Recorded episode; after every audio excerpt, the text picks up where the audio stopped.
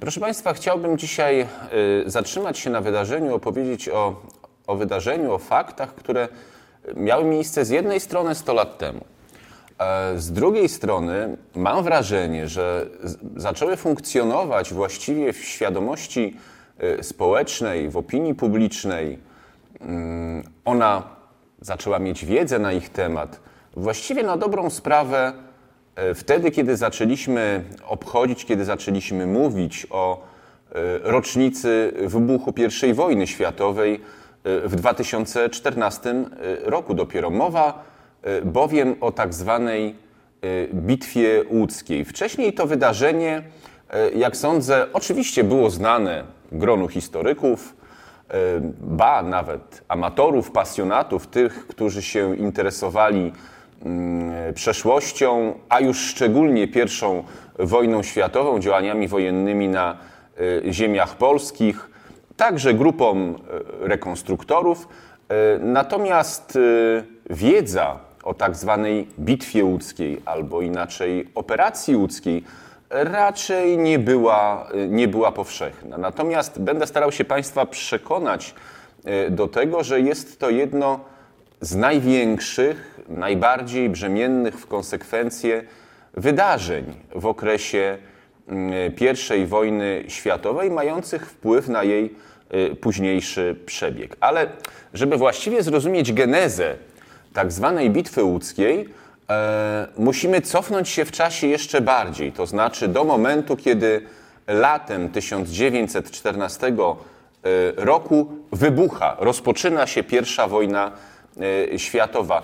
E, ja tylko chciałem zwrócić uwagę, że my mamy właściwie mm, e, taką ocenę, jak sądzę, to znaczy dziwimy się. Dziwimy się, jak było możliwe, aby wybuchła pierwsza wojna światowa. Wydaje nam się to paradoksem, dlatego że przypomnijmy, Europa, stary kontynent przed wybuchem Wielkiej Wojny przeżywa epokę świetności. To jest belle epoque, piękna epoka postępu cywilizacyjnego, technologicznego, E, rozwoju nauki, rozwoju kultury, sztuki, również wprowadzania wielu, mówiąc językiem współczesnym, takich postępowych rozwiązań e, ustrojowych. I raptem rozpoczyna się kataklizm, rozpoczyna się kataklizm, który, który przecież e, w pewien sposób przeorał mapę Europy, który spowodował wiele ofiar, który spowodował w dalszej konsekwencji już po 20 latach przecież także drugą wojnę światową. Ba, można y, właściwie powiedzieć, że wielu historyków uważa, że y, druga wojna światowa i pierwsza wojna światowa to są właściwie dwa rozdziały tego samego wydarzenia, y, przedzielone dwudziestoletnim, dwudziestoletnim antraktem. Tyle tylko, i to jest bardzo ważne, żeby zrozumieć w tym kontekście rozpoczęcie, plan, genezę bitwy łódzkiej, iż y, współcześni wcale nie sądzili, że wojna, która y, została rozpętana latem 1914 roku, potrwa 4 lata i będzie miała rzeczywiście y, tak wielkie skutki, tak wielkie konsekwencje. Przypomnijmy, kiedy wybucha pierwsza wojna światowa, panuje powszechne przekonanie, to znaczy powszechne po jednej i po drugiej stronie frontu, y, i wśród Francuzów, i Brytyjczyków, y, i Rosjan po jednej stronie, a zatem w obozie tak zwanej Autanty, i z drugiej strony również, jeśli chodzi o państwa centralne, to znaczy Niemcy y, i Austro-Węgry, że oto mamy do czynienia z pewnym prześleniem, że będzie rzeczywiście ciężka, krwawa, bardzo dynamiczna wojna, dynamiczne starcie, ale to starcie właściwie zakończy się przed upływem 1914 roku. Jak to mówiono, żołnierze powrócą do domów, zanim opadną liście. No, rzec można, że powrócili, kiedy rzeczywiście opadały liście, ale po czterech latach dopiero. Natomiast oczywiście myślano wówczas jeszcze o 1914 14 roku.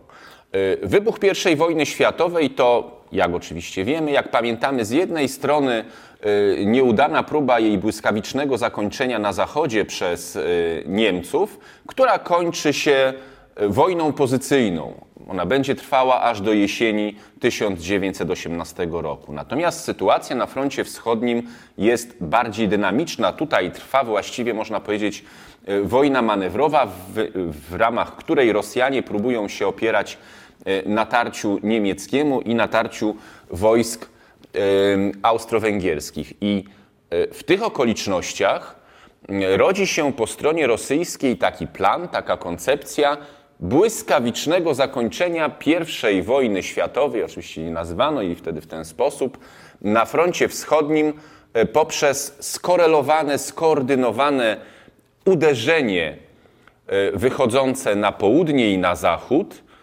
E, I celami tego uderzenia z jednej strony no, miał być innymi Galicja i Kraków na południu, z drugiej strony Wielkopolska i Poznań na zachodzie, ale to miały być tylko przystanki, dlatego że celami ostatecznymi był Wiedeń na południu e, i był Berlin na zachodzie, a więc to rzeczywiście miałby być w tym zamyśle, w tym planie taki rosyjski blitzkrieg, można by to było określić w ten sposób.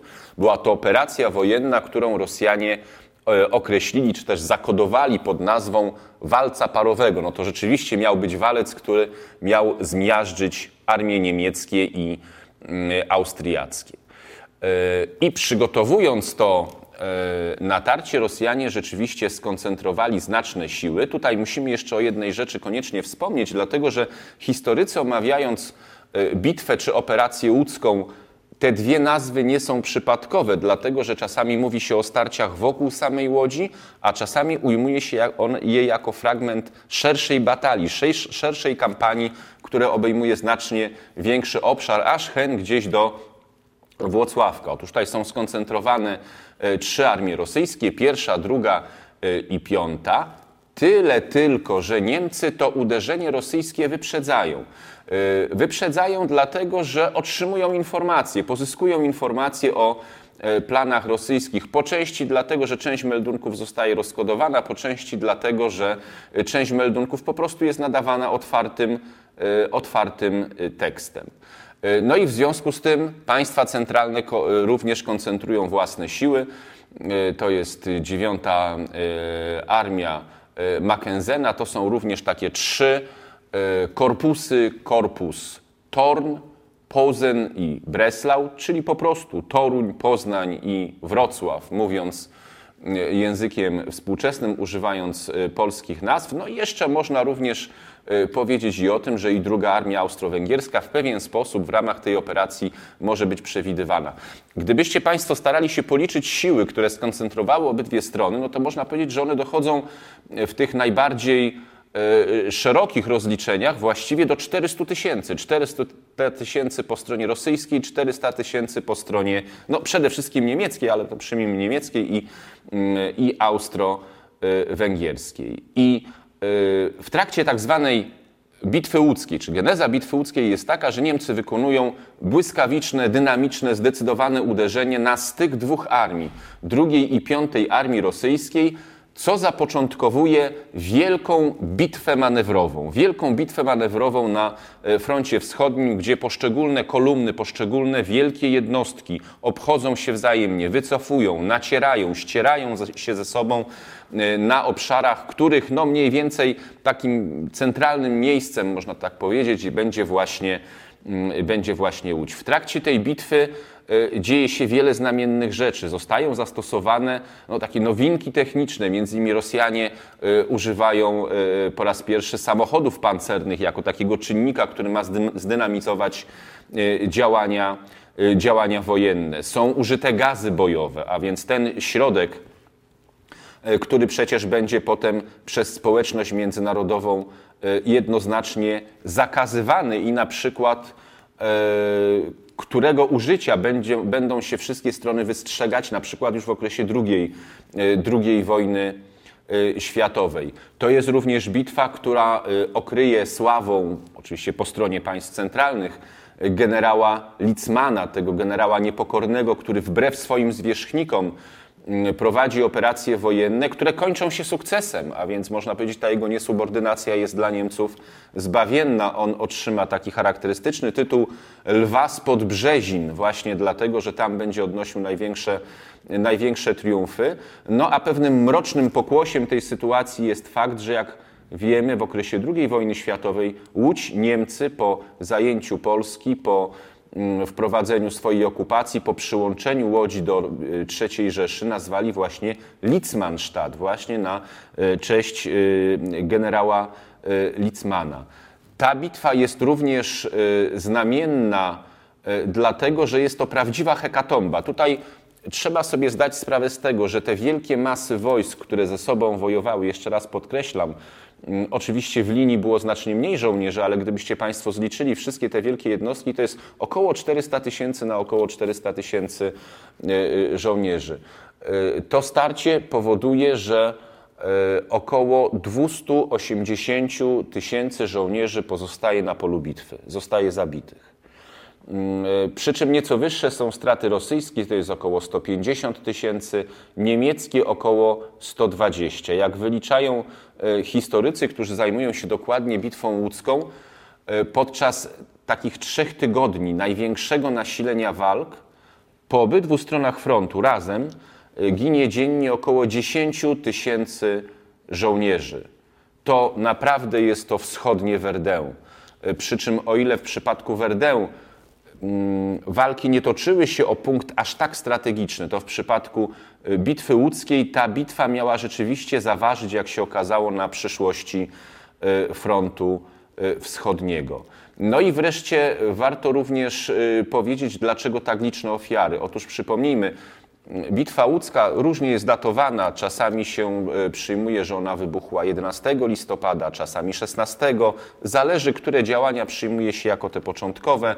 E, mówi się, że trwała do 24 listopada, bądź nawet do 6 grudnia 1914 roku. Otóż żołnierze ranni, często ciężko ranni, e, pozostawieni na polu bitwy, musieli zmierzyć się w walce o przeżycie nie tylko ze swoimi y, kontuzjami, ze swoimi ranami, ale przede wszystkim z mrozem. Y, ranni, dogorywający żołnierze po prostu umierali zamarzając podczas działań wojennych. Stąd też tak duża liczba ofiar śmiertelnych, relatywnie niższa liczba rannych, którzy trafiali do pobliskich szpitali, między innymi łódzkich, w wyniku działań Y, obydwu stron y, w trakcie, w trakcie bitwy łódzkiej.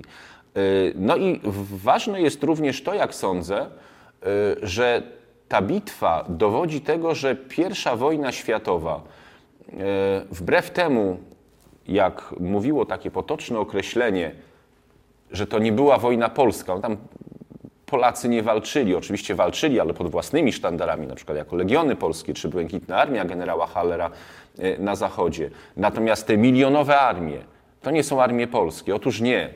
Bitwa łódzka dowodzi, że to była również i w tym kontekście wojna e, polska. Warto sobie uświadomić, że z jednej strony e, w szeregach tzw. Tak 24 Dywizji Syberyjskiej służyli Polacy.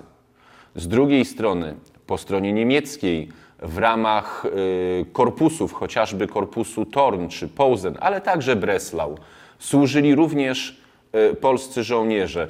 Y, żołnierze obydwu armii słyszeli ten sam język dobiegający z dwóch stron, z dwóch okopów, okopu rosyjskiego i niemieckiego. To był język polski. Ba, zdarzało się, że Polacy w mundurach jednej armii udzielali pomocy rannym Polakom, którzy pozostawali na placu boju w mundurach armii armii przeciwnej. Dowody tego mają państwo na polskich cmentarzach wojennych, które y, otaczają Łódź. To są oczywiście cmentarze, na których leżą żołnierze niemieccy i rosyjscy. No tak, niemieccy i rosyjscy, biorąc pod uwagę kolor mundurów, w którym y, przyszło im toczyć boje w okresie I wojny światowej, ale nazwiska, proszę Państwa, są polskie.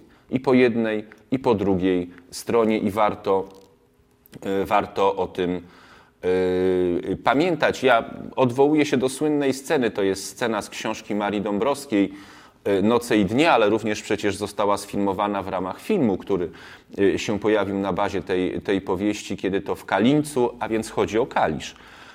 wychodzą wojska rosyjskie, panie rzucają wiązanki kwiatów, krzycząc nasi chłopcy odchodzą i oczywiście z jednej strony to jest wyraz tego, iż ta armia rosyjska niejako była tą armią miejscową, z którą przecież e, miejscowi Polacy no, obcowali, tak utrzymywali e, jakieś relacje, ci żołnierze, oficerowie poruszali się po ulicach, ale to również dosłownie jest prawda, bo rzeczywiście w szeregach tych oddziałów służyli po prostu Polacy, a więc w cudzysłowie rzeczywiście nasi chłopcy.